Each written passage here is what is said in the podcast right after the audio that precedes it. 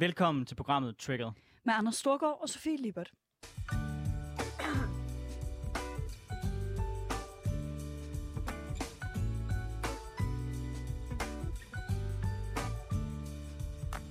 Vi er tilbage i programmet, hvor vi vender ugens vigtigste politiske historier med gæster, der har skarpe holdninger, store visioner og markante meninger. Vi er selv vant til at deltage i debatten som henholdsvis tidligere landsformand for konservativ ungdom og tidligere landsfor kvinde for SF Ungdom. Så hvis du forventer et program med neutrale værter, så er det det forkerte program, du er tunet ind på. Så Sofie, skal vi i virkeligheden ikke bare springe ud i det? Hvad trigger dig? Jamen, det, der trigger mig i den her uge, det er øh, faktisk noget, der trigger mig ret tit. Øh, det er den måde, vi taler om arbejdsløse. Helt konkret, så sad jeg og læste avisen i morges. Det kan jo ikke overraske nogen, at jeg har abonnement på information. Øh, hvor vores kære beskæftigelsesminister, som altså ellers var en af dem, jeg havde øh, store forventninger til, da øh, vi fik ny regering, det er Peter Hummelgaard, han udtaler, at vi kan ikke finansiere et af de mest veludbyggede, trygge, sikre og lige samfund i verden, hvis det er sådan, at hver gang folk ikke har lyst til at gå på arbejde, eller ikke bryder sig om deres job eller chef, så bliver de hellere væk, og så til gengæld støtter sig til en ret til at blive offentligt forsørget. Og det har han jo sådan set ret i. Det er jeg jo ikke enig i. Det vil vi ikke kunne. Men jeg synes, det er en modbydelig antagelse, at der findes en masse mennesker, hvor det her det er tilfældet. Det tror jeg grundlæggende ikke på, det er. Jeg er helt med på, at de findes derude. Men når vi taler sådan her om arbejdsløse, øh, fordi vi ved, der findes en lille håndfuld, så kommer det til at gå ud over alle dem, øh, som ikke er sådan her. Og jeg synes, det er så ærgerligt, at vi altid taler om laveste fællesnævner, i stedet for at anerkende, at langt de fleste er arbejdsløse, de er arbejdsløse, fordi de ikke kan finde et arbejde. Ja, nogle af dem er, men der, jeg, jeg mener bestemt også, at der er folk, der er arbejdsløse, øh, netop fordi de ikke er interesseret i de arbejdsmuligheder, der er. Og det er jo egentlig også noget, du tidligere er kommet ind på, nemlig den her, den her, det her, som Mette Frederiksen talte om, med at øh, det at arbejde behøver ikke være en lyst, det kan også være en pligt. Så hænger det i virkeligheden ikke sammen? Altså... Nå, men det hænger sammen, men jeg tror, der, grunden til, at det pisser mig af, det er jo, at der ligger en underliggende antagelse om, at det vrimler med mennesker, der ikke har lyst til at gå på arbejde. Vrimler med mennesker, der ikke mener, at de har et ansvar for at forsørge sig selv. Vrimler med mennesker, der går rundt og er arbejdsløse for hyggens skyld, fordi det er bare helt vildt fedt at være på dagpenge. Og jeg tror ikke på, at de mennesker de findes i særlig store hovedbetal. Jeg kender dem ikke. Jeg øh, har ikke set en eneste statistik, der tyder på, at det her det er et masse problem. Det er nogle enkeltstående problemer, men jeg tror, at hvis vi skal lave en ordentlig beskæftigelsespolitik, så skal vi ikke antage, at alle er sådan her. Så skal vi rent faktisk reagere, når vi oplever, for eksempel når man ude på jobcentrene, møder de enkelte, der har det sådan, og så skal man lave nogle andre tilbud, end de her pisk-tilbud, som både findes i lavere satser og mere aktivering, øh, til alle de mennesker, som er arbejdsløse af alle mulige andre årsager. Men man har jo i årtier, før man gik i gang med at se på og begrænse ydelserne, så har man jo prøvet tidligere alle mulige andre muligheder med at, med, med, med at prøve med gulerød og få folk ud på arbejdsmarkedet. Og det er ikke lykkedes særlig meget. Det vi kan se på langt de fleste undersøgelser, det er, at noget af det, som folk rent responderer på, det er netop, når der er økonomisk incitament til at begynde at tage et arbejde. Og det er jo, det er jo ikke sådan et udgangspunkt om, at mennesker er dogne, eller at folk synes jeg, altså har sådan en ønske om at være arbejdsløs. Det er jo mere bare sådan en grundlæggende antagelse om, at jo længere tid folk er uden for arbejdsmarkedet, desto mere ryger man også ind i en rytme, hvor det er svært at komme ind. Både fordi, at det er svært for en selv aktivt at komme ind, men også fordi rent mentalt, så ryger man ud af det arbejdsmode, som, som, som, er, som er med til at holde en i beskæftigelse. Jeg tror også godt, du kender det i forhold til, hvis man har været på ferie i en længere periode. Det er med hårdt at starte op igen mandag efter. Og tilsvarende, jo længere tid man er væk fra arbejdsmarkedet, desto svært at komme ind på det igen. Men det vi kan se, der virker bedst, det er altså pisken. Og jeg ved godt, at det går imod meget af dit øh, menneskesyn og syn på politik. Men, men det er bare det, der virker. Og jeg synes ikke, vi kan efterlade folk på passiv forsørgelse, som er konsekvensen, hvis ikke vi gør noget. Jeg tror ikke på, altså den der med, Nå, det er bare det, der virker. Jamen, vi, altså hvis vi tager øh, dimittentdagpengene, som er et af de forslag, der ligger som eksempel, så har man skåret i dem før. Det fik ikke rigtig nogen til, øh, ud på arbejdsmarkedet, flere end der var før. D- når vi snakker om de her ting, så handler det øh, for mig at se også om, Jamen, det kan godt være, at det er noget af det her, der virker. Lad os, lad os, lad os sige, at din antagelse der er rigtig. Lad os sige, at den er velunderbygget. Hvis vi gør det, så synes jeg stadig, det er problematisk, at vi anerkender, at det er sådan, man behandler mennesker. Jeg synes, der er meget mere værdi i, hvis vi vil have flere ud på arbejdsmarkedet, faktisk at gøre noget for, at vi har et arbejdsmarked, hvor alle kan være, at vi har et arbejdsmarked, hvor der er plads til folk, der ikke passer ind i de almindelige kasser, hvor der er gode muligheder for opkvalificering, hvor efteruddannelse faktisk er noget, vi prioriterer, og ikke bare noget, man siger, når man står på talerstolen 1. maj. Jeg håber virkelig, at vi kunne få en beskæftigelsespolitik, der handlede om at give folk bedre muligheder for at være en del af arbejdsmarkedet, frem for at det hele tiden handler om at gøre det værre at være arbejdsløs.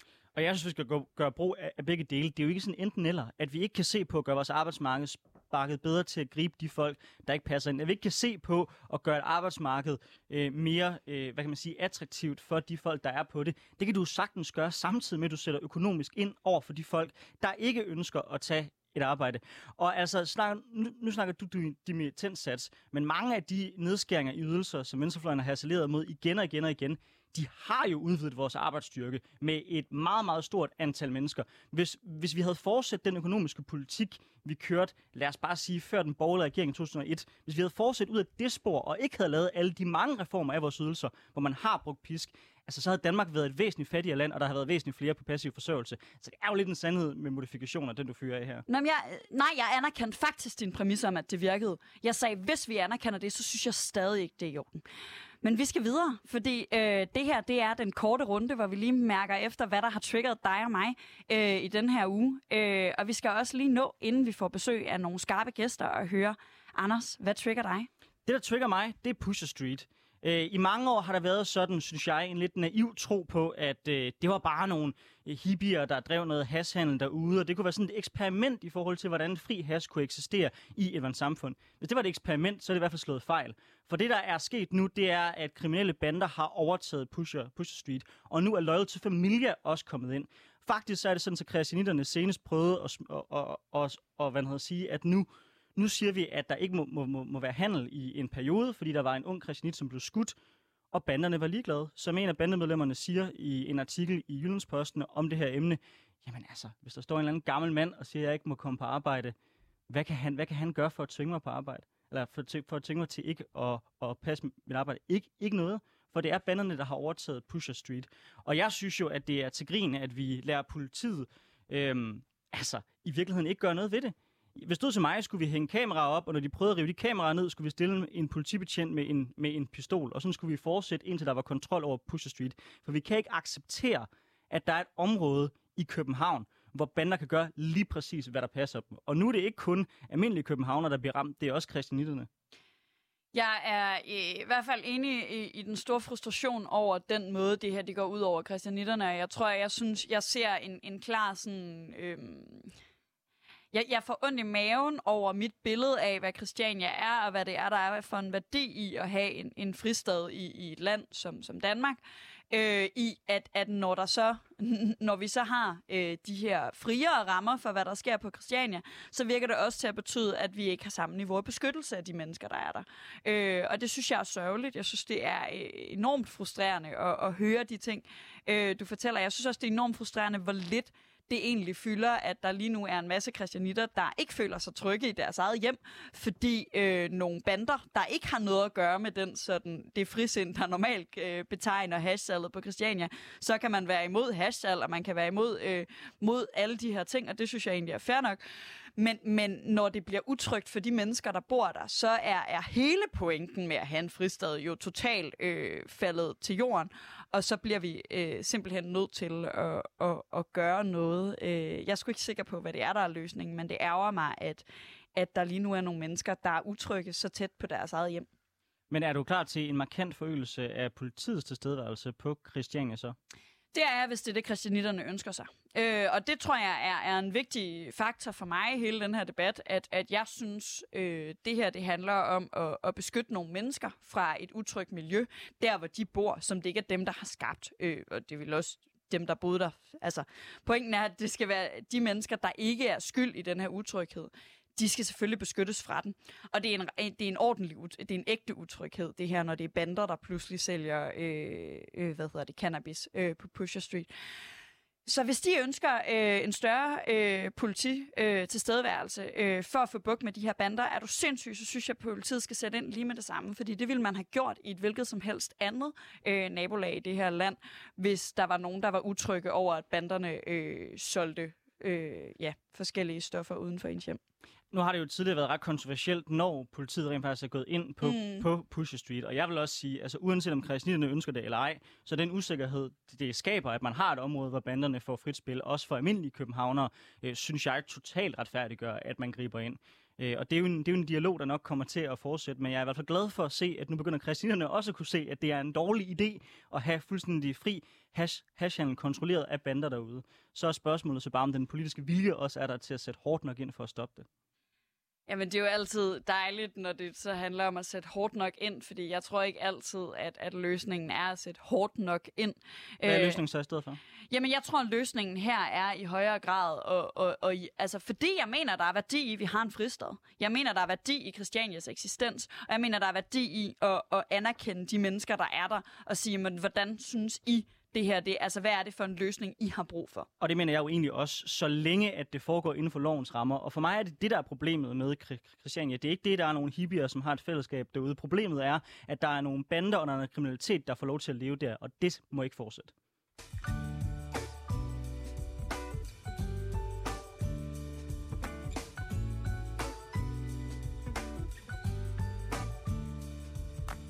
Ja, men vi har faktisk også taget nogle gæster med i vores studie i dag. Øh, to fremragende dygtige gæster. Den ene, det er øh, Ali, Ali Aminali. Han er tidligere socialrådgiver, radiovært, debattør, provokatør, måske også nogle gange. Øh, Ali, øh, hvad, hvad går op til dig? Er der noget, der går og trigger dig i de her dage? Øhm, jeg tænker, at det, der trigger mig primært, det er fordi, jeg er, lige, jeg er lige netop sådan semiflyttet en lille smule til København. Jeg har fået min hverdag i København.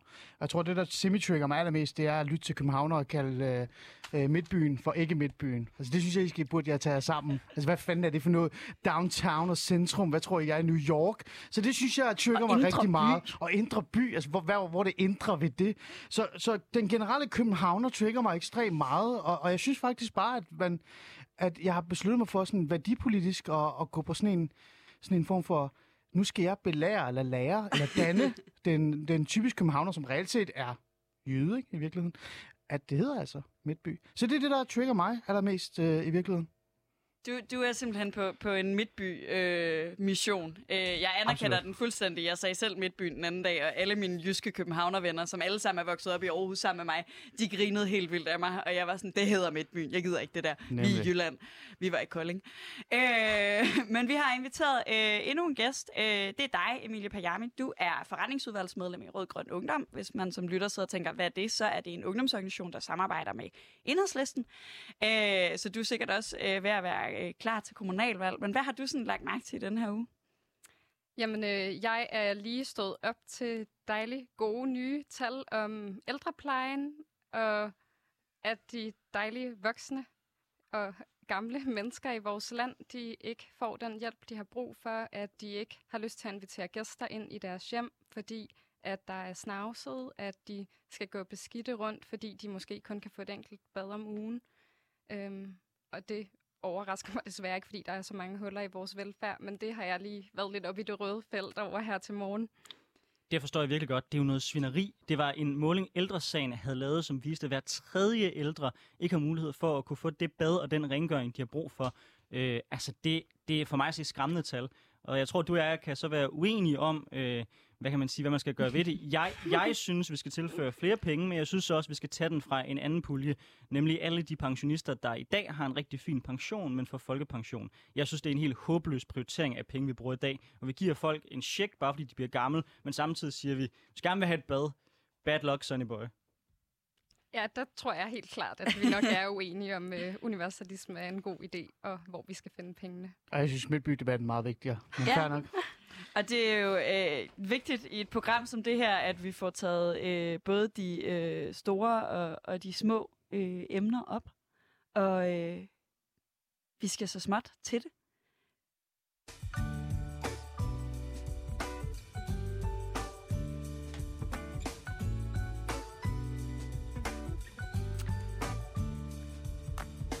I tidligere afsnit i det her program, der har vi talt rigtig meget om Afghanistan, hvor Vesten har trukket sine tropper ud, og Taliban har overtaget magten. Det har sådan en konsekvens, som vi ikke har talt så meget om endnu, nemlig potentielt nye flygtningestrømme. Og generelt er kommende flygtningestrømme et problem, vi bliver nødt til at tage seriøst. Øh, med klimakrisen kommer der også til at være flere klimaflygtninge, og vi så tydeligt i 2015, da flygtninge vandrede på motorvejene, at EU i hvert fald ikke er i stand til at håndtere flygtningestrømmen på hensigtsmæssige måder. Men hvad gør vi så? Sætter vi mur op og et grænsehegn, der er så højt, at folk ikke kan klatre over, ligesom man har gjort i Ungarn, Tyrkiet og Grækenland? Eller laver vi en fordelingsnøgle for flygtninge internt i EU? Øh, det er noget af det, vi skal debattere med vores to gæster i dag. Det er debattør, radiovært og tidligere socialrådgiver Ali Aminali og øh, forretningsudvalgsmedlem i Rødgrøn Ungdom Emilie Pajami. Og jeg kunne godt tænke mig at høre dig først, Ali. Hvad mener du, vi skal gøre? Hvad jeg mener, vi skal gøre? Ved alle de flygtninge, der måske, måske ikke højst sandsynligt øh, nærmer sig EU's grænser de kommende år? Altså, øh, bare de, altså, de er jo, de er her jo, altså i virkeligheden. Vi har jo, vi har jo begyndt at få den næste strøm af, af flygtninge. Øh, og der, det er forskellige former for flygtninge i virkeligheden. Der er sådan tre kategorier, kan man sige.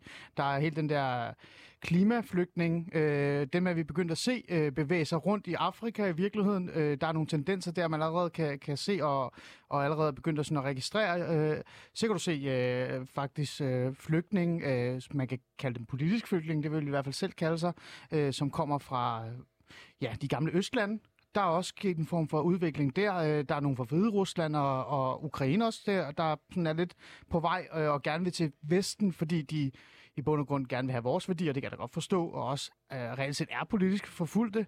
Øhm, og så har du jo hele den her migrationsbølge, som kommer fra Mellemøsten, som altid kommer, som altid, altid har gerne vil komme. Øh, og så er der nogen, der snakker om, at den her afghanske bølge er på vej, men grund til, at der ikke har været så mange her de sidste par, øh, par måneder og sådan nogle ting, det er jo på grund af coronakrisen, og alt har været lukket ned. Mm. Så, så øh, flygtningene er på vej, har altid været på vej. Hvad skal vi gøre? Jamen, vi skal da bare lave en fantastisk fordelingsnøgle, men jeg lever heller ikke i en eller anden Disneyland, og, og, og Mickey Mouse er ikke min statsminister, så altså, med al respekt, øh, det holder jo ikke øh, det heller. Øh, ja. Så Ali, når, når Grækenland nu slår alarm, og de siger, at vi kan måske stå i noget, der minder om flygtningekrisen igen, hvor de ikke kan kontrollere deres grænser længere, så er løsningen, at vi fordeler det mellem de europæiske lande, eller øh, hvad er det, jeg, jeg hørte dig sige? Ja, ja, ja, ja, hvis du levede i Disneyland, og Mickey Mouse var øh, statshoved i Europa, øh, det ville være rigtig fedt. Jeg synes, Mickey Mouse er sød, ja. øh, men det Alright. findes bare ikke. Så, så det holder ikke. Nej, vi skal lukke grænser. Luk, ja. luk det hele. Luk mm. det hele. Altså, det, det, du kan ikke rigtig reelt set gøre andet. Det er jo ikke, fordi jeg siger, at du skal lukke øh, og, og lave Fort Europa for evigt, men lige nu står du bare i en situation, hvor du bliver nødt til at sige, nu stopper vi. Øh, så massiv øh, indsats øh, og give masse penge til, hvad ved det nu, Frontex? Frontex? Mm. Nu har jeg glemt, hvad det hedder. Frontex hedder det jo. Mm. Det var en lang tur hen. øh, lidt til migranterne. Og, øh, og så synes jeg bare, at man skal sådan begynde reelt at se, hvad er det egentlig incitamentet til at komme til Vesten? Det skal vi også have en snak om. Emilie Pajani, øh, er du enig i, at vejen frem det er at bygge et, øh, en høj grænsemur, øh, og at det reelt set er at leve i Disneyland og tro, man kan lave en fælles fordeling? Nej, det er jeg ikke, og øh, jeg er helt med på, at det er en lang, sej kamp, og man skal tage nogle modige og svære beslutninger, og man har helt klart ikke medmenneskeligheden og medvinden med sig i det her spørgsmål, men det ændrer selvfølgelig ikke ved, at jeg kæmper for det, jeg tror på, og det er ikke grænsehegn og mure. Det er ikke at afgrænse hele Europa. Det kommer ikke til at mindske presset fra migranter og asylansøgere. Jeg synes sådan set også, at vi skal værne om retten til asyl og retten til beskyttelse, og vi kan som Danmark jo sagtens løfte en del af ansvaret, og det er der masser af andre lande, der også skal forpligte sig på. Så det kan man jo gøre i EU-regi ved at lave en fordelingsnøgle, som er mere solidarisk og som forpligter landene helt reelt. Hvor mange flygtninge mener du, at øh, et land som Danmark skal, skal kunne tage imod? Jeg vil ikke øh, stå her og sætte et konkret tal, fordi jeg synes også, at det kommer an på det samlede billede i hele verden, og hvordan man øh, kan fordele ellers. Men jeg synes, at 2.000 kvoteflygtninge er et rigtig fint sted at starte. Øh, man kan i hvert fald se, at vores nordiske naboer er i stand til at løfte langt, langt mere, og her i Danmark, der halser vi bare bagefter og lægger ansvaret fra os. Men hvad så, hvis vi ser en situation, som vi gjorde i 2015, hvor der kommer øh, millioner, der er, der er på en flugt? Altså, anerkender du, der er en grænse for, øh, hvor mange mennesker et land som Danmark kan tage imod? Øh, eller vil det altid bare være et spørgsmål om, hvor mange der flygter, og dermed kommer ind i de europæiske grænser, og så må vi fordele dem så godt, som vi, som, som, som vi kan? Anerkender du, der er et loft? Jeg anerkender, at vi ikke kan redde hele verden, Danmark alene. Selvfølgelig anerkender jeg det. Men jeg vil bare sige, at når man snakker om, hvor mange problemer mennesker skaber, og snakker om, at de er uønskede, fordi at de ikke passer ind i vores samfund, så handler det jo også om, at man har afmonteret integrationsindsatsen, og at man ikke gør de ting, som faktisk virker, for at få de her mennesker til at blive en del af samfundet, som de jo rigtig gerne vil. Og så handler det jo også omvendt om at bekæmpe de årsager, der er til, at mennesker migrerer og flygter. Altså, vi skal jo bekæmpe ulighed og fattigdom, både i Danmark og globalt set. Det er meget interessant det her. Nu nævner du, øh, Emilie, øh, kvoteflygtninge. Der findes ligesom to slags flygtninge. Der findes den slags flygtninge, som vi kalder spontane flygtninge, som er folk, der typisk øh, tager over Middelhavet øh, på den ene eller anden måde, eller øh, i hvert fald er på en lang øh, sådan til fods færd. Øh, ja, alt efter hvor, hvilken retning man lige kommer fra, men hvor man selv ligesom er flygtning i den forstand, som jeg forestiller mig ind i mit hoved, når man siger, at folk flygter.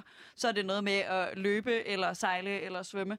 Øhm, og så findes der de her kvoteflygtninge, som er FN's kvoteflygtningeordning, hvor vi faktisk øh, går, tager, øh, hjælper folk, øh, før de er flygtet langt øh, fysisk. De er ofte flygtet øh, et lidt kortere stykke vej øh, til det, som populært i den offentlige debat kan omtales som nærområderne. Øhm, og, og hvor man tager nogle af de svageste flygtninge, der findes. Og jeg kunne godt tænke mig at høre dig, Ali, fordi du snakker om, at vi skal lukke ja. grænsen. Det forestiller jeg mig umiddelbart primært er, er for spontane flygtninge. Øhm, hvordan ser du på, på kvoteflygtninge? Skal vi så til gengæld opjustere vores kvoteflygtningeindsats i Europa?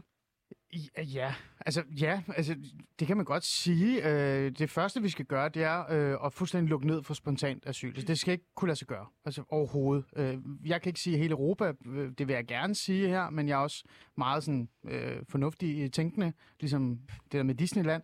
Så jeg siger i hvert fald, Danmark, der kan vi i hvert fald sige, øh, spontan asyl skal vi bare sige nej til. Det kan ikke lade sig gøre. Du kan ikke få spontan asyl i Danmark. Må Hvis jeg vi så- spørge, hvorfor er det, at det ikke kan lade sig gøre? Hvorfor er det, vi skal sige nej? Fordi det er reelt set det største incitament til at, at sætte sig på en lille øh, båd og gå over Mellemøsten og drukne og dø. Altså det, det er det mest inhumane, du overhovedet kunne lade sig gøre, det er at sige, vi skal lige huske, øh, med al respekt til alle dem, der sidder her, det er så fedt at trække det her kort. Det er jo mig, der er flygtning her. Øh, ikke? Altså det er mig, der, er, der hedder Ali, og er flygtet øh, fra øh, Iran til, til Danmark til Vesten. Øh, så, så når jeg siger det her, så er det også noget, jeg reelt set har tænkt over. Ikke? Det er ikke bare noget, der kommer ud af mit lille privilegerede øh, numse. Øh, så det, jeg prøver at sige her, det er, at incitamentet til, at man bare kan sådan sidde i i øh, Nigeria eller Afghanistan eller Iran og tænke, når det er jo ærgerligt. Eller i Tyrkiet, øh, som tidligere Syrien-flygtning, og så sige, nu vil jeg gerne til Vesten. Vi skal tage den mulighed fra dem. Så vil jeg gerne have, Libert, nu kigger jeg på dig, Libert, er det ikke rigtigt? Ja, ja. Jo, jeg skal lære at huske navn. Det er fordi, jeg tænker på ham Libert den anden. Men vi, Øhm, vi er den samme. Ja, I er også i familie med hinanden, ikke? Nej. Nej. Ja, ja, roligt. Øh, men det vi skal, det er, sådan tænker jeg, det er, vi skal jo skære ned og have et par år med nul, så vi reelt set kan få en balance, så vi også kan sende signal til EU og så sige, kære venner, at vi skal lave det her fordelingsnøgn. Når vi så har lavet det her fordelingsnøgn, så er jeg super interesseret i at hjælpe flygtninge i de her øh, flygtningelejre. For det er jo det reelt dem, vi reelt, altså det er jo dem, vi skal hjælpe i virkeligheden. For eksempel øh, Bangladesh. Ved I, der er en gigantisk stor flygtningelejr i Bangladesh med Rohingya. Men der er del med ikke mange enhedslist-typer, der står og råber Rohingya-lejren. Vel? Altså, de står og tænker på syrerne, afghanerne og sådan noget. Og jeg kan også godt forstå det, for det er dem, man ser i vores folkeskole, det er dem, vi ser i vores hverdag. Men, men vi har reelt set nogle grupper ude i, i land, altså i verden, som virkelig lider. Altså enormt. Og dem gider vi ikke hjælpe. Fordi vi vil hellere hjælpe dem, der lige kan komme til Danmark og sige, jeg er her, og forresten, jeg minder om Sohaima i gymnasiet, ikke? Ali, øh, jeg synes umiddelbart, at, øh, at dit forslag er sådan på overfladen ret sympatisk, og jeg kan sådan set godt for- forstå øh, den logik, du kommer fra med det. Men, men lad os prøve at lave en helt konkret situation. Nu bragte du dig selv ind som tidligere flygtning. Lad os sige, Ali står ved grænsehegn i Grækenland. Ja. Ja, øh, Grækenland har lukket grænsen. Det er Ja. ikke muligt for dig at komme over.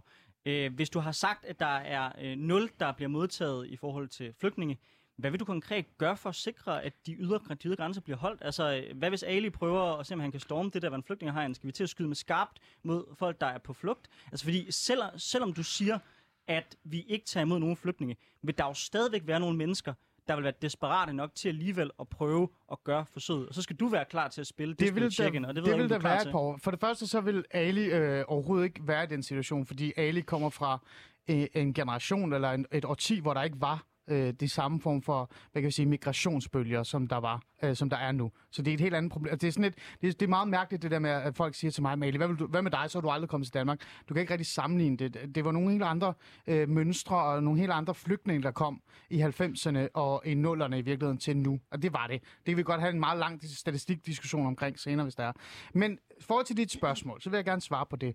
Vi skal sende dem retur altså, vi skal reelt set også stoppe dem fra at komme, og vi skal faktisk, hvis vi kan, skabe nogle flytningecentre, øh, centre, lejre, hvad vi kan kalde dem, øh, i øh, nærområderne, hvor man kan gå ind og sige, hej, jeg vil gerne søge om asyl i Danmark. Og hvis vi bliver ved med at gøre det, og vi bliver ved med at gøre det, og bliver ved med at gøre det, så stopper den her bølge, fordi de til sidst forstår, de kan ikke komme til Vesten på den måde. Så begynder de at komme på en anden måde. Husk lige på, helt seriøst, det er de stærkeste, vi hjælper på nuværende tidspunkt. Det er ikke de svageste. De svageste sidder i Rohingya-lejren stadigvæk i Bangladesh. Der er vanvittigt mange børn i den lejr. Der er ingen, der snakker om dem. Det må vi røvhavne ligeglade med. Ikke? Så de svageste lider, mens de stærkeste... Åh, fedt, mand. Nu er jeg bare i Tyskland, ikke? Party, party.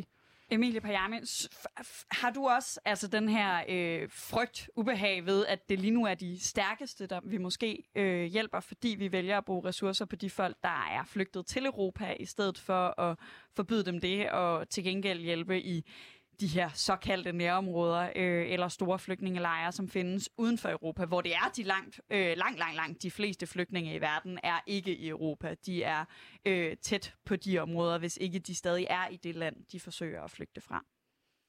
Det bekymrer mig helt bestemt, at vi ikke hjælper nok både de svageste og øh, de stærkeste flygtninge, hvis man kan sige det sådan, fordi man er flygtning det betyder, at ens liv er i fare. Man pakker alt, hvad man har. Man efterlader sin familie måske, sin uddannelse i uvidshed om, hvor man skal hen.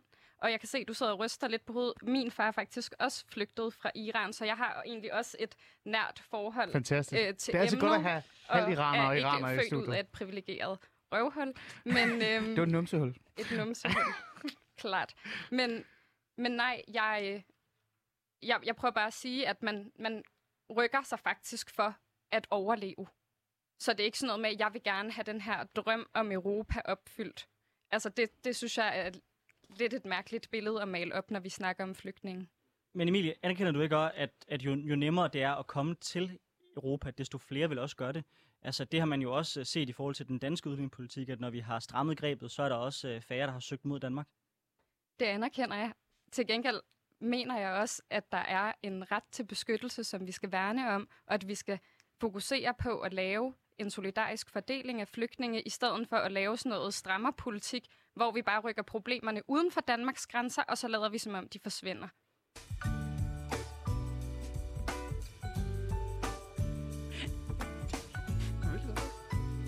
Jeg skal da bare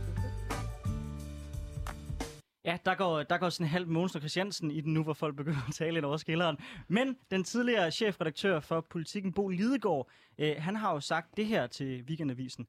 Hvis ikke vi er meget konsekvente, meget hårde ved EU's ydergrænse, så vokser trafikken over Middelhavet med store humanitære konsekvenser.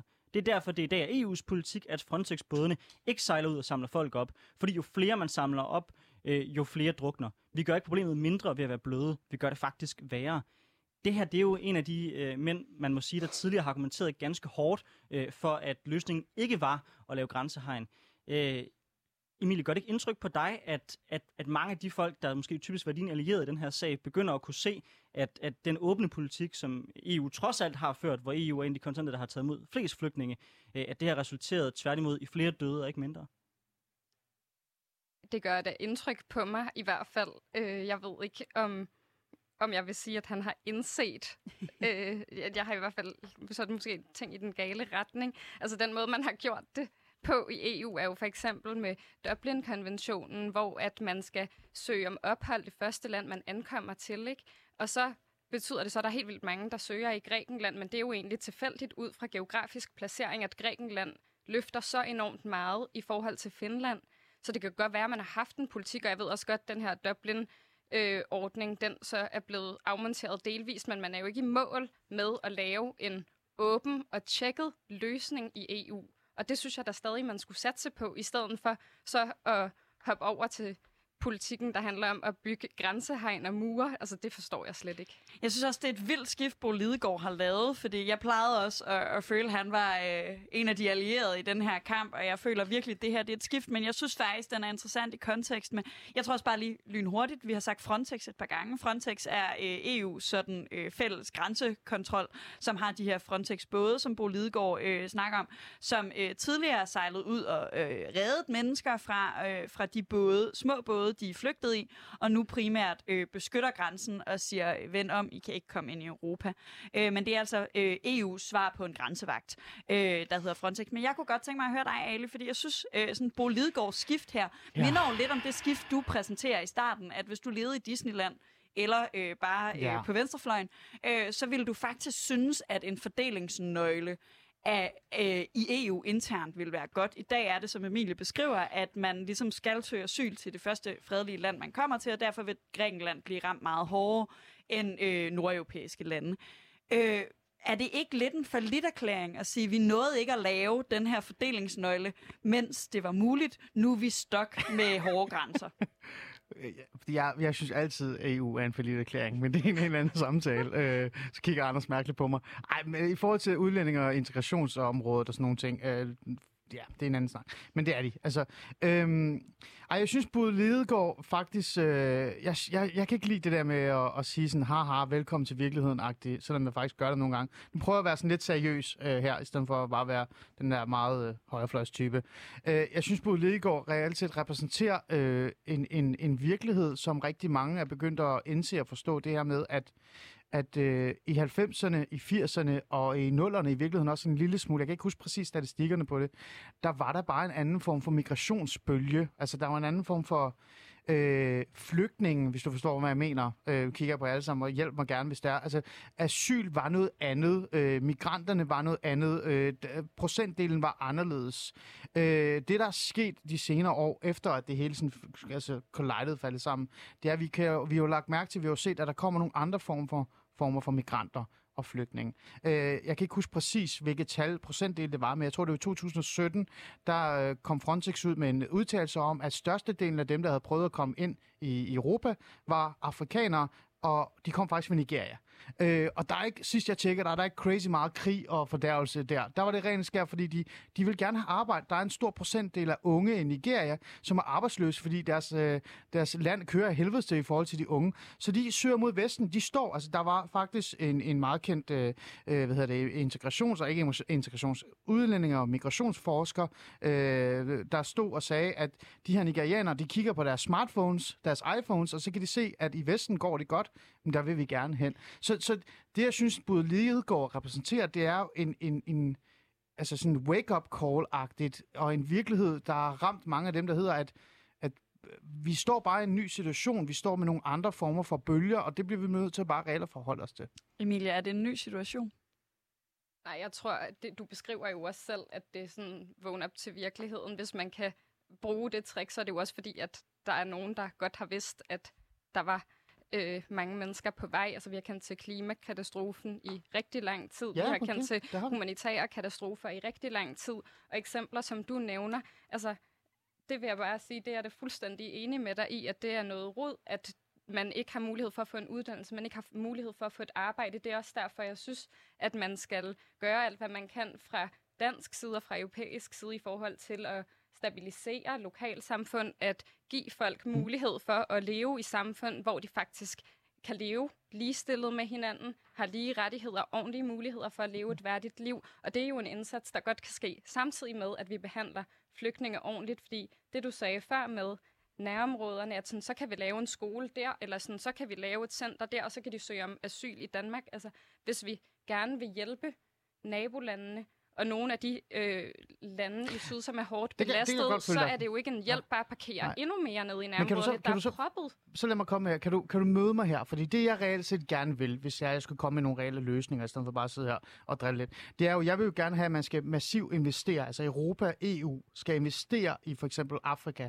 ligesom Kina gør øh, som et eksempel. Ikke? Og øh, altså, investere massivt i de her flygtningelejre, investere hjælpe massivt, for eksempel Nigeria og sådan nogle ting, fordi vi reelt set kan sørge for, at hvis vi stabiliserer, som du siger, udvikler og hjælper og støtter, man kan lave sådan en one-to-one virksomhed, som mange nigerianere er efterspurgt, fordi i Nigeria for eksempel, når nogen skaber en virksomhed, og det går godt, så tager de i produktion, og så fjerner de den til Dubai. Så står der rigtig mange nigerianske unge øh, fyre og mister deres job. Vi kan sørge for, at de bliver i Nigeria. Det kan vi jo støtte dem med, med, med, med, med hjælp, ikke? så i stedet for Kina gør det. Men de penge skulle komme et sted fra, og vi har jo ikke uendelig enormt meget penge. Og hvis du står og bruger vanvittigt mange penge per nation, suverænitetsdag, på hver enkelt flygtning, der bare kommer op og siger, hjælp, asyl. Hvis du kunne fjerne den, og så bruge de penge der, så sørger du jo for, at tusindvis af nigerianere ikke kommer til Europa. Hvad tænker du om det? Øh, jeg tænker flere ting. For det første det der med, at vi har ikke uendeligt antal penge. Altså, der er jo også noget med, at når der er flygtninge, der kommer til Danmark, og vi rent faktisk løfter integrationsindsatsen ordentligt, så får vi jo også pengene ind i statskassen igen. Det er jo faktisk også mennesker med ressourcer, vi taler om, og også ofte mennesker med ressourcer, der faktisk lykkes med deres flugt. Og så i forhold til at bruge flere penge på at støtte genopbygning i alle mulige lande, der har brug for det. Selvfølgelig skal vi gøre det, men vi skal også behandle flygtninge ordentligt, og vi skal også løfte ansvar, vi både som Danmark og Europa har.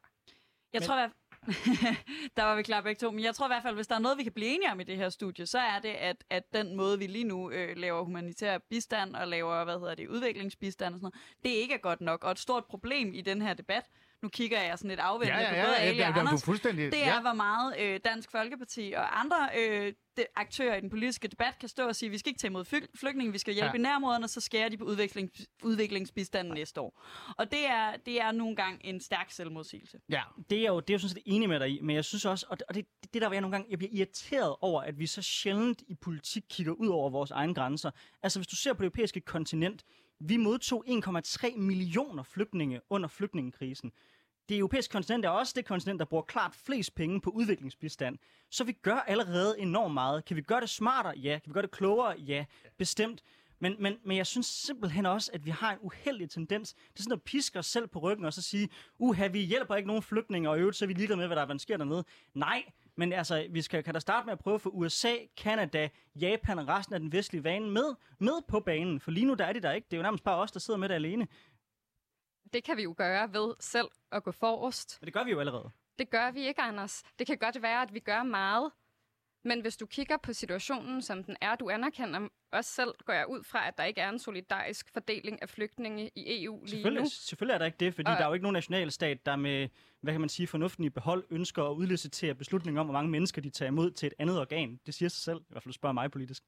Men der er, jo, der er jo mere ting i spil her, som vi så nok ikke har tid til at snakke om i dag og sådan noget, som jeg vil ønske, vi kunne snakke om. Fordi du siger sådan, at vi skal vise en sol, større solidaritet, at vi skal kigge på de forskellige lande i forhold til antal øh, migranter eller flygtninge. Jeg vil hellere kalde dem migranter, for det er det, desværre størst procent af dem. Mm.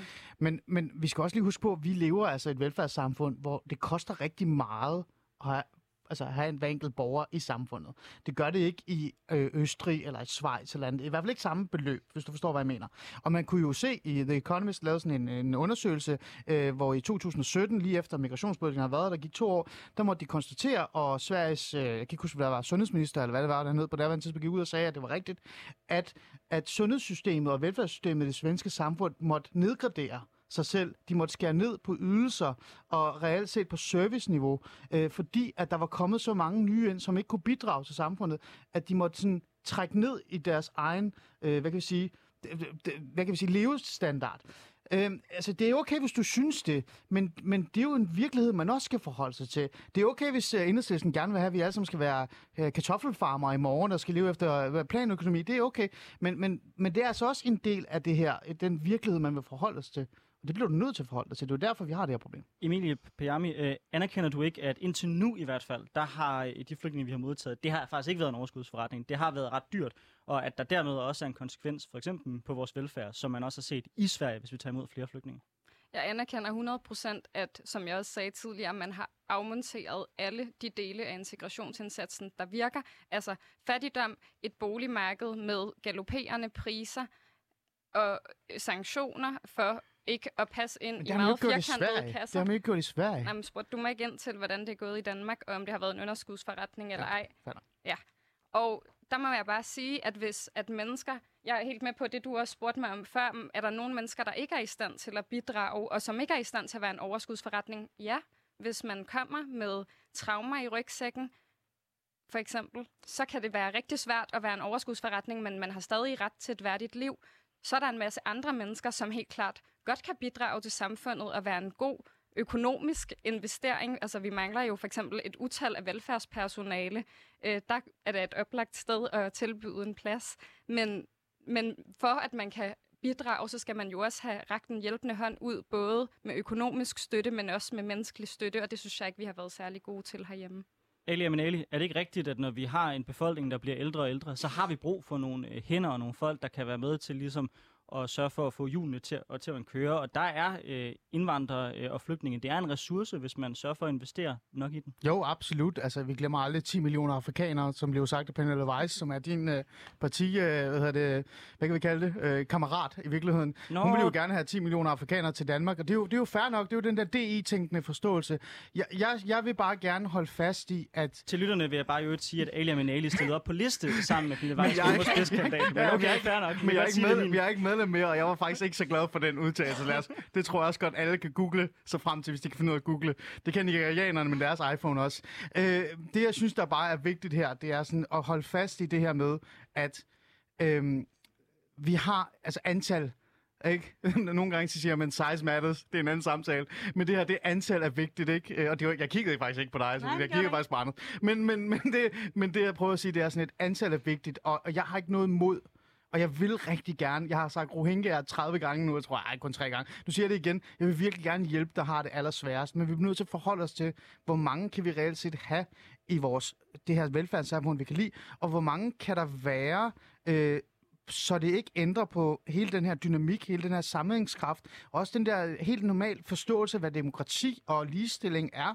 I kæmper for LGBT-rettigheder, jeg kæmper for LGBT-rettigheder, men hvis der kommer 2-3.000 syre i morgen, så har vi et, et arbejde med de 2-3.000 syre i forhold til LGBT-rettigheder og sådan nogle ting. Og det er sådan noget, vi bliver nødt til at forholde os til, udover alt det andet. Øhm, og det er meget vigtigt for mig også. Emilie, super kort svar. Jeg tror også, der findes mennesker, der flygter fra Syrien og alle mulige andre steder, der godt kan lide øh, mennesker, som ikke er heteroseksuelle eller som ikke er ciskønnet. Men selvfølgelig har vi et arbejde foran os, og det er det, som vi skal løfte med god integration. Og jeg er helt enig, selvfølgelig at der er et begrænset antal, vi kan tage. Måske vi er lidt uenige om, hvor mange det skal være.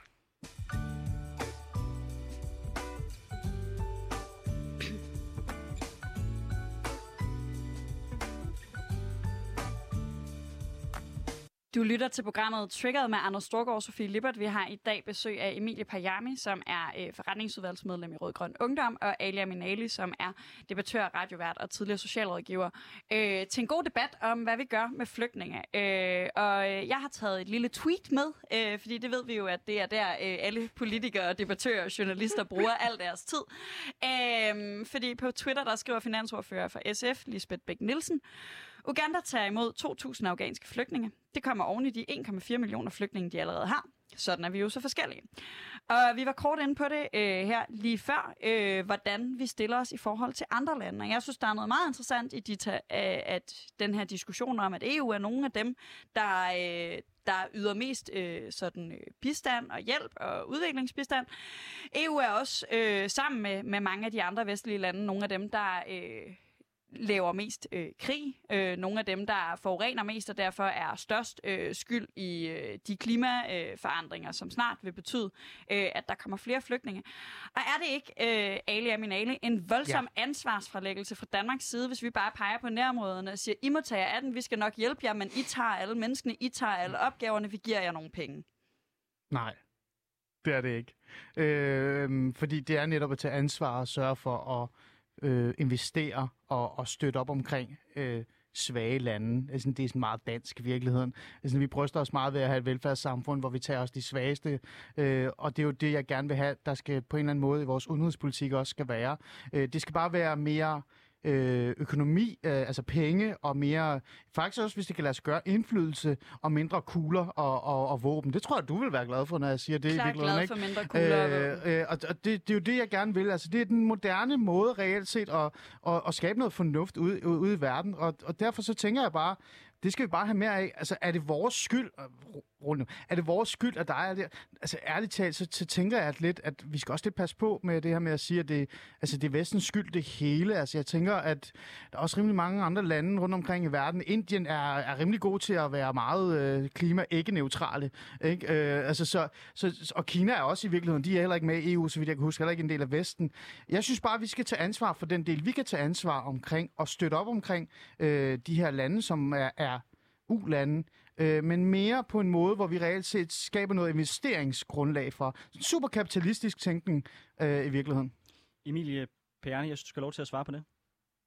Jamen, jeg synes, du siger mange ting, og øh, det ene er igen det her med nærområderne, som du gerne vil hjælpe. Den bedste hjælp, du kan give nærområderne, det er at tage imod flygtninge. Nej, det er det ikke. Ej, det. Prøv at forklare mig helt bare kort, hvordan det er den bedste måde at, at hjælpe et nærområde ved at tage potentielt ressourcer, der kan være med til at faktisk genskabe eller øh, styrke en nation. Altså, hvorfor skal vi tage alle potentielle ingeniører og arkitekter fra Nigeria, når vi reelt set Ej. kan hjælpe dem med at blive? Men altså, Ali, okay, så lad, os, så lad os prøve et konkret eksempel. Lad os tage Libanon. Det er et land, der i population minder om Danmark i størrelse, og som har cirka 1 million mennesker, der sidder i flygtningelejre i Libanon. Ja, jeg tror, øh, Øh, det er som- mere, ja. Ja, Ja. ja. det er et land, der tidligere har været på kanten af sammenbrud på grund af kamp mellem kristne og muslimer. Du taler sammenhængskraft i forhold til Danmark og integrationsudfordringer. Tror du ikke, at man i Libanon måske også synes, at man er lidt presset i forhold til mængden af flygtninge, som man har modtaget? jo, jo. Og er der, er der ikke en pointe i det, som Emilie siger, at øh, det kan penge sådan set ikke løse? Det er nogle mere grundlæggende udfordringer, de har i det libanesiske samfund, med så mange mennesker, der kommer dertil. Øh, jo, det kan man da godt sige, men, men jeg har det bare sådan lidt, at, at Altså for eksempel, vi snakker om det her med, at hvorfor er det, vi reelt set skal være i Afghanistan, ikke? Øh, og nu når vi trækker os ud af Afghanistan, så forsvinder vi, og så har vi på en eller anden måde, altså hvis vi lige fjerner det der, at vi har været der i 20 år, og nu har vi et ansvar i forhold til det, men, men i forhold til vores ansvar i forhold til området, altså med al respekt, så har Vesten og, og Danmark ikke noget ansvar i forhold til, hvad der sker i Afghanistan. Russerne har, øh, Kina har, øh, Tyrkiet har, fordi det er, de ligger nær omkring nærområdet mæssigt. Men, men jeg synes bare, at det vi skal gøre, det er, at vi skal gå ind og støtte Libanon, for eksempel, siger du det her. Vi kan godt støtte Libanon, så de for eksempel kan have nogle, nogle bedre flytningerejer, som reelt set kan være og blive der. Fordi der er nogle af dem, der aldrig tager hjem. De bliver der for evigt. Så lad os støtte op omkring det, og så kan vi måske kan vi være med til at stabilisere det libanesiske regering på en måde. Jeg ved det ikke, men det er da bedre, end at stå tilbage og så sige, at den eneste måde, vi kan redde de flygtninge, der er i Libanon, det er at hente dem alle sammen til Danmark og placere dem på Østerbro. Det ville faktisk være en fantastisk idé. Ja, det var sådan set heller ikke det, forslaget gik ud på at tage dem alle sammen. Forslaget gik ud på at aflaste i stedet for at blive ved med at læse mennesker ned i lande, der er over overfyldte i forvejen, Men og vi som ikke er i ikke. stand jo til ikke os, der at læser løse... dem. Det er jo ikke os, der læser dem. Det er i hvert fald Altså, vi os, kan ikke der meget aktivt fravælger at løfte vores ansvar, og jeg ved godt, du kunne godt lide at sige, om 20 års fejl, fejlslagen krig i Afghanistan, vi har et ansvar i kraft af, at vi har været part i krigen. Det ligger vi lige på hylden. Det er da noget mærkeligt noget. Selvfølgelig har vi et ansvar, Ja, jeg vil bare gøre det på en anden måde. Jeg vil bare investere i dem. men det, det holder jo ikke. Altså, Det ved vi ikke, vi selvfølgelig ikke prøvet skal det. vi støtte. Vi har jo ikke prøvet det. Det vi har prøvet, det virker i hvert fald ikke. Tror du, du kan investere dig i, i Taliban til, at øh, folk ikke ønsker at flygte fra dem? Ej, Taliban er en speciel øh, monster, men, men vi er heller ikke ansvarlige for Taliban i virkeligheden, altså i bund og grund. At Taliban har altid været der, vil altid være der, men vi kan måske støtte op omkring. For eksempel Røde Kors er der og samarbejder med Taliban. Så kan vi støtte Røde Kors i deres arbejde med massiv indsatser, så vi ikke sørger for, at Taliban får pengene. Emilie øh, Permi, når, når du siger, at det i virkeligheden er vores ansvar, det der er sket i Afghanistan, altså kan man ikke argumentere for, at, at det, er jo, det er jo sådan lidt det kort, der kan kastes i alle, i alle sammenhænge. Hvis der er borgerkrig i Syrien, og vi ikke griber ind, så er det vores ansvar, fordi vi har kigget på. Hvis vi griber ind i borgerkrigen, så er det også vores ansvar. Skal vi tage imod flygtninge også? Altså, er det ikke lidt nemt at sige, at det er vestens ansvar, hver gang der sker noget i de, i de, de mellemøstlige lande? Fordi uanset hvad, så har vi vel også en indflydelse ved ikke at handle. Det bliver i hvert fald ved med at være nemt at sige, hvis vi fortsætter med hele tiden at gå i krig. Det kunne man jo starte med at Ja, men vi være startede jo lidt ikke, vi mere startede faktisk ikke med at gå i krig omkring. i Syrien, for at komme Nej, med eksempel. Der, der startede vi faktisk med at kigge den anden vej, og så kom der en borgerkrig, og så flygtede folk, og så blandede vi os. Så, så hvis vi lige har tidshorisonten med, så er det jo et eksempel på, at vi ikke blandede os. Og der kan jeg også huske, at enhedslisten sagde, at det var vores ansvar, at der var ballade i Syrien. Det er jo også fordi, at jeg mener, at vi har et ansvar, der rækker ud over grænserne. At jeg forstår ikke det her med, at sådan, når det er et ansvar, der hører til hernede. Altså, har vi ikke et ansvar for en verden, hvor mennesker har mulighed for at leve et liv, som er reelt, med muligheder. Det, det har vi lige siddet og nikket til hinanden omkring, at vi synes, udviklingsbistanden skal bruges klogere. Måske at ja. man også skulle investere ekstraordinært meget i den og opbygge nogle gode lande. Hvorfor er det så, at vi ikke også ja. vil have nogle af de mennesker hertil? Altså, vi snakker om det, som om det er det værste afskum. Ah, det, det, har jeg, det, har jeg, det har jeg ikke hørt nogen øh, gøre her. Øh, og, og, jeg, og jeg mener sådan set også, og det tror jeg, jeg godt kan tale på vegne af Ali med, at vi har et ansvar for at hjælpe folk ude i, i verden. Men det du argumenterede for, det var, at vi havde et særligt ansvar. Altså underforstået, at det er vores skyld, de flygter i første omgang.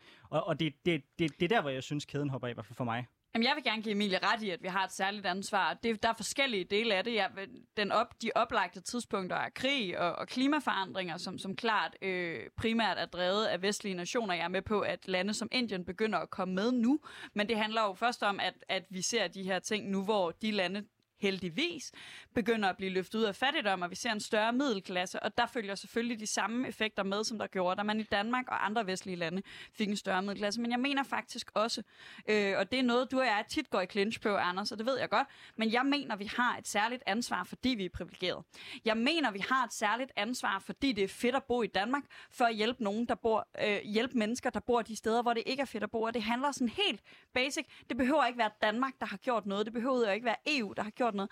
Men fordi vi bor de steder, hvor, det er, øh, hvor der er store middelklasser, hvor der er store overklasser, øh, hvor, hvor der generelt er, er en høj, høj levestandard, det mener jeg er øh, et udfald af held, og derfor mener jeg, at vi har et ekstra ansvar for at hjælpe de mennesker, der var mindre heldige, end vi havde haft, hvis vi var født et mindre heldigt sted.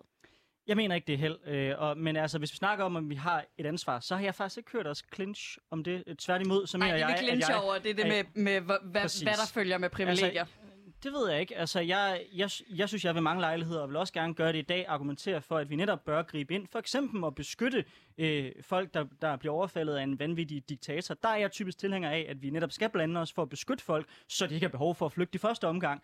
Jeg er sådan set også tilhænger af, at vi bruger penge på udviklingsbistand. Faktisk også flere, end vi gør i dag. Så jeg tror, jeg tror, jeg må med lidt hus forbi i det her spørgsmål. Men nej, jeg har ikke sådan en holdning til, at jeg næsten bør skamme mig over at leve i velstand her i Vesten. Jeg mener, at jeg skal hjælpe folk, fordi det har jeg mulighed for at gøre, men jeg mener ikke, at jeg skylder nogen en undskyldning for at leve i det samfund, jeg gør.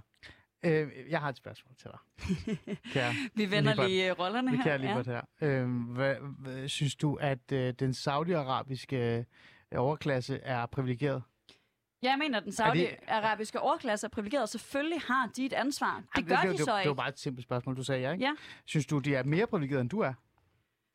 Hvis du kigger på deres velstand og den måde, de lever på? Ja, men nej, det mener jeg faktisk ikke, fordi jeg mener faktisk ikke, at velstand nødvendigvis er det vigtigste mål for privilegier. Jeg mener, at frihed er det vigtigste mål for privilegier. Og jeg har et meget stort ind, frihed, frihedsprivilegium. Så du går ind for, at vi reelt, altså så du støtter hele den her uh, Bush-Anders Fogh-tænkning omkring, nej. at vi skal ud og så forstår jeg ikke rigtigt, hvad, hvad du prøver sådan at bygge op, fordi jeg, jeg er enig med dig, at når man er privilegeret og har velstand, så skal man gøre sit for at hjælpe dem, der er svagest. Vi er tilbage til i den her forståelse af, at vi skal hjælpe de svageste i samfundet. Men vi skal også bare lige huske på det her med, at, at der er også andre lande i verden, som er faktisk meget tættere på de her mennesker, som mm. fuldstændig gør nada, nul. Og, og, og, og de har altså også et ansvar i virkeligheden. Og det er jeg helt enig med dig i de løfter det bare ikke. Jeg synes, at vi skal være øh, dem, der rider på den høje hest, og faktisk løfter vores ansvar. For selvfølgelig har rige lande i nærheden også et ansvar, men de løfter det ikke. Og det er ikke frie lande, og det synes jeg er en afgørende forskel. Vi mangler os, nærmer os afslutningen på den her debat, men jeg kunne godt tænke mig øh, kort... Øh, sådan for ligesom at, at nærme os hinanden. Vi er alle sammen enige om, at vi har et ansvar. Vi er alle sammen enige om, at der skal gøres noget ved udviklingsbistanden. Emilie, du mener, at vi skal tage imod flere flygtninge. Ali, du mener, vi skal den gode gamle hjælpe i nærområderne? Ja, det gør jeg. Emilie, jeg kunne godt tænke mig at høre dig her øh, til allersidst. Øh, det, øh, kan du se nogen øh, politisk øh, virkelighed, øh, i den politiske virkelighed, vi har lige nu, at vi faktisk øh, kommer tættere på det, som øh, du og jeg ønsker os ud af en flygtningepolitik? Helt ærligt, nede i maven kan jeg godt få rigtig ondt og være rigtig bekymret for, om om vi kan lykkes med det. Det er i hvert fald absolut ikke lige rundt om hjørnet, men jeg tror, hvis jeg skal blive ved med at kæmpe for en bedre verden, har jeg også behov for at bevare et håb, og det er ikke for at være faktaresistent eller afvise, hvordan virkeligheden hænger sammen. Jeg tror bare, at det er en lige så urealistisk, uholdbar og ikke langsigtet løsning at bygge mure og grænsehegn. Så ja, jeg håber i hvert fald, at vi øh, kan tage nogle modige beslutninger og komme derhen. Vi kan godt. Vi skal bare lukke os inde, alle partier, og så udlandsbistand. Og det bliver det sidste ord i den her debat. Øh, tak fordi I var med, Emilie Bjermi fra Rød Grøn Ungdom, og dig, Ali Aminali, øh, radiovært, debattør og tidligere social rådgiver. Øh, tak fordi I var med og kvalificerede den her, den her debat.